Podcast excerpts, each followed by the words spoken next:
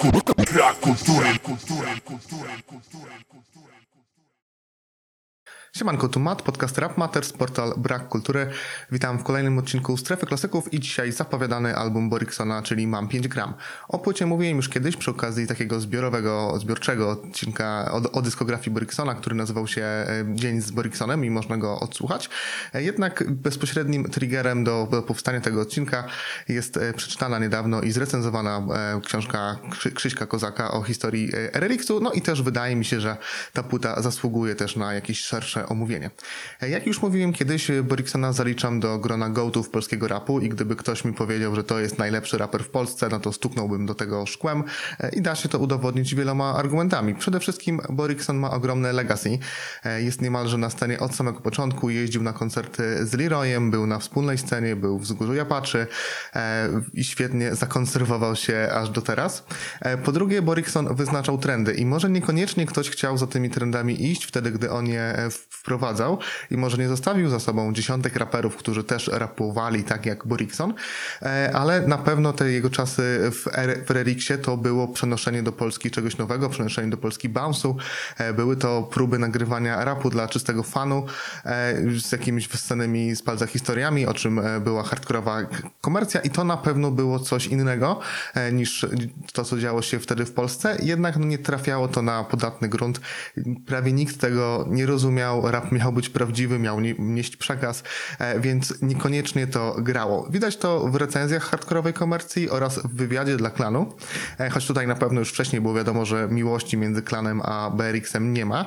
E, Jednak pytanie o teksty, o to, czy otłumaczy się z nich córce, czy nie jest mu głupio nagrywać rzeczy, które nie są prawdziwe, no pokazywały, że to redaktor albo totalnie Boriksona nie lubił, albo po prostu nie kumał tego, że rap to może być tylko zabawka.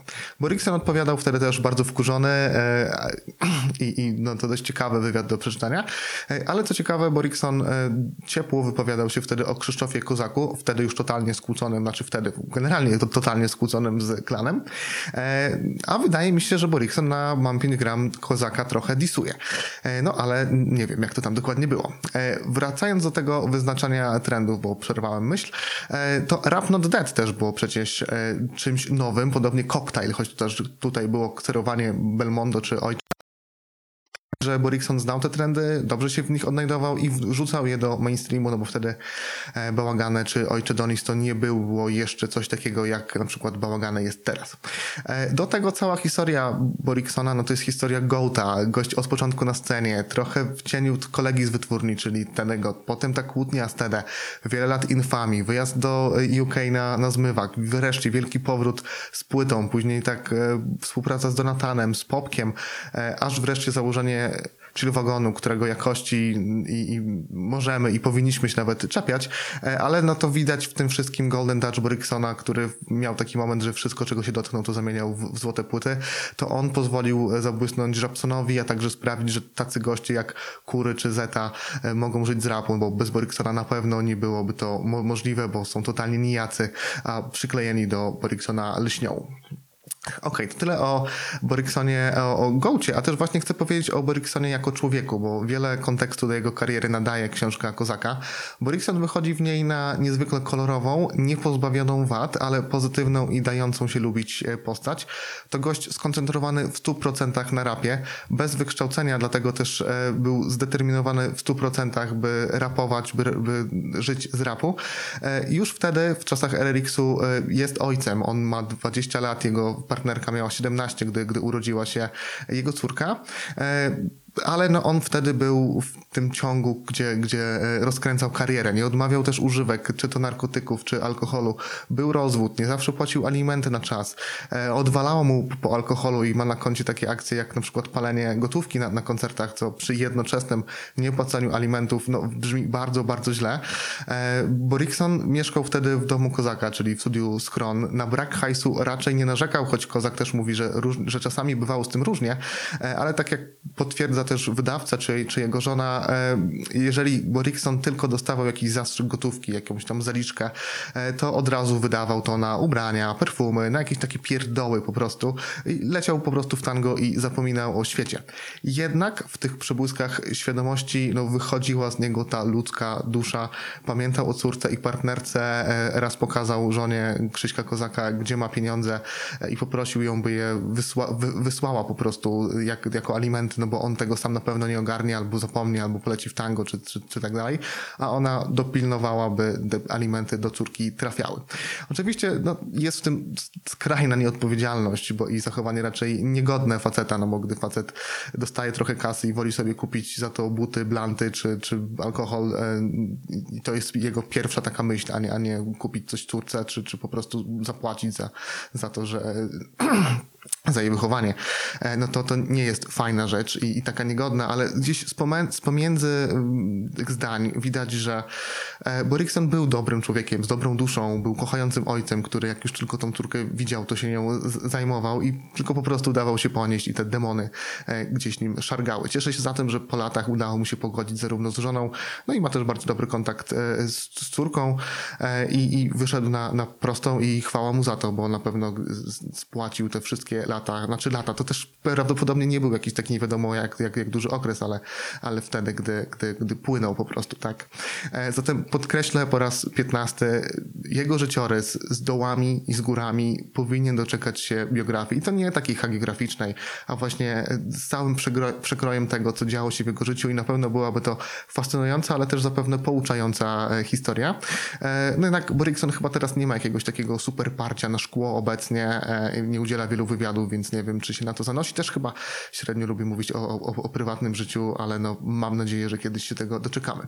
A przechodząc już do samego Mam 5 gram, czyli najlepszej polskiej płyty z błędem w tytule, to jest to album wydany w listopadzie 2002 roku w Kamej Record, czyli już po zamknięciu Eriksu, e, chociaż Kozak twierdził, że pomagał przy wydaniu tego krążka. E, To płyta, która ma doskonałe wejście. Pierwsze trzy kawałki, czyli Trwam w tym, Fakty i Mam 5 gram, to przeokrutne klasyki Abity, które zostawili tu Szycha i Kamej mają uderzenie, a Borikson po prostu siada na nie i, i płynie po nich. E, To niby takie zwykłe melanżowe braga kawałki z przekonywaniem o tym, że Borikson jest kozakiem, a, a, a jego delivery, nie delivery, w polskim rapie mamy delivery, pamiętajcie to. E, I, i, i jego i charyzma Boriksona dają o sobie zna, znać. Refren o 5 gramach zajebistego siuwaksu robi swoje. E, a z ciekawostek to na przykład kilka linijek e, z faktów jest skierowanych do Sokoła, który śmiał się z tego, że Borikson udaje e, białego murzyna i tutaj Borikson mu się odcina. Dalej jest świetna gościnka Picha w Miasto Świeci i w ogóle też w Pichowie chyba trzeba kiedyś zrobić taką oddzielną strefę klasyków, tak na marginesie. Borikson odpala się znowu w kawałku Tak to wygląda. Mocnym kawałku disującym, no i właśnie, kogo? To jest dobre pytanie. Nie wiem, czy kiedykolwiek to było tak w 100% wyjaśnione, ale pierwsza zwrotka dotyczy rapera. E, i bardzo pasuje tutaj Ace, który też wtedy gdzieś próbował robić bounce i, i elemer o tym świadczy i niekoniecznie było to dobrze przyjęte. I z tego może się naśpiewać e, Borikson, a druga zwrotka prawdopodobnie traktuje o kozaku. E, i tam też Bo Borikson się z nim e, nie patyczkuje i po prostu mówi jak jest. E, też może być tak, że obie te zwrotki po prostu dotyczą takiej ogólnej sytuacji i tego, co działo się na scenie, zarówno jeśli chodzi o raperów i to ich, ich środowisko i gdzieś ten raper opisywany w zwrotce jest sumą iluś tam zachowań, tak samo druga zwrotka może być o wi- wielu wydawcach, no ale myślę, że tego Ace'a i Kozaka można tutaj jakoś pod to podciągnąć, chociaż no w 100% to chyba nigdy nie było potwierdzane. Dalej na płycie bywa różnie. E, W recenzji w Blacku pisano, że ta płyta to tylko szampan i w ogóle melange, bounce i tak dalej, żeby kupić sobie szampana najlepiej i pić razem e, słuchając płyty, ale no nie wiem, czy tak konkretnie jest, bo Borikson zostawił tutaj sporo miejsca na rozkminy czy wspomnienia. Raz wypada to lepiej, raz wypada gorzej. E, Pastele czy Nienawidzisz mnie nie są numerami, do których bym wracał, gdyby nie było na tej płycie, ale kończące album dla M, dedykowane żonie, wtedy już chyba byłej, e, jest bardzo dobre i niby takie naokoło tematu, niby nie w 100% poświęcone jej, ale kilka wersów na pewno trafia w sedno. W ogóle Borikson ma tę taką zdolność do tworzenia historii z niczego i on em, potrafi zawrzeć długą historię, znaczy długą długą, w sedno, ale też taką bardzo wymowną w dwóch czy w trzech wersach. Gdzieś jakiś taki początek, nie wiadomo jaki wstęp i nagle cyk e, wjeżdża do, do, do bazy, więc e, ta umiejętność też e, podkreślałem to kiedyś przy okazji tego kawałka z melanżowego z, z Leroyem, że tam też ma taki bardzo ładny przeskok, że tutaj wy, wychodzi z bloku i zaraz robi coś tam innego e, i, i to działa w przypadku Boriksona również na tej płycie. E, numer o Kielcach e, też takim typowym bitem teki, niby pop, niby rap, niby bounce, niby taki banger, nie wiadomo dokładnie co tam jest, ale bardzo chwytliwe i, i zapad, zapadające w pamięć są tutaj zarówno linijki, jak i kolejne takty. E, I w ogóle Kamej tutaj zrobił świetną robotę, jeśli chodzi o, o bity. Jak on się pojawia, to od razu robi show. Jak po dwóch kawałkach zamuły wjeżdża hip-hop szponce, to od razu chce się żyć. E, I nawet ten spokojniejszy numer dla M wyszedł Kamejowi bardzo dobrze i skłania e, mnie tu, może nie mnie, ale, ale to powinien być Kamej chyba kiedyś doceniony e, bardziej i powinien powstać jakiś taki dłuższy tekst opisujący to, co i jak produkował, dlatego że e, no, jego produkcje definiowały pewny okres e, w polskim rapie.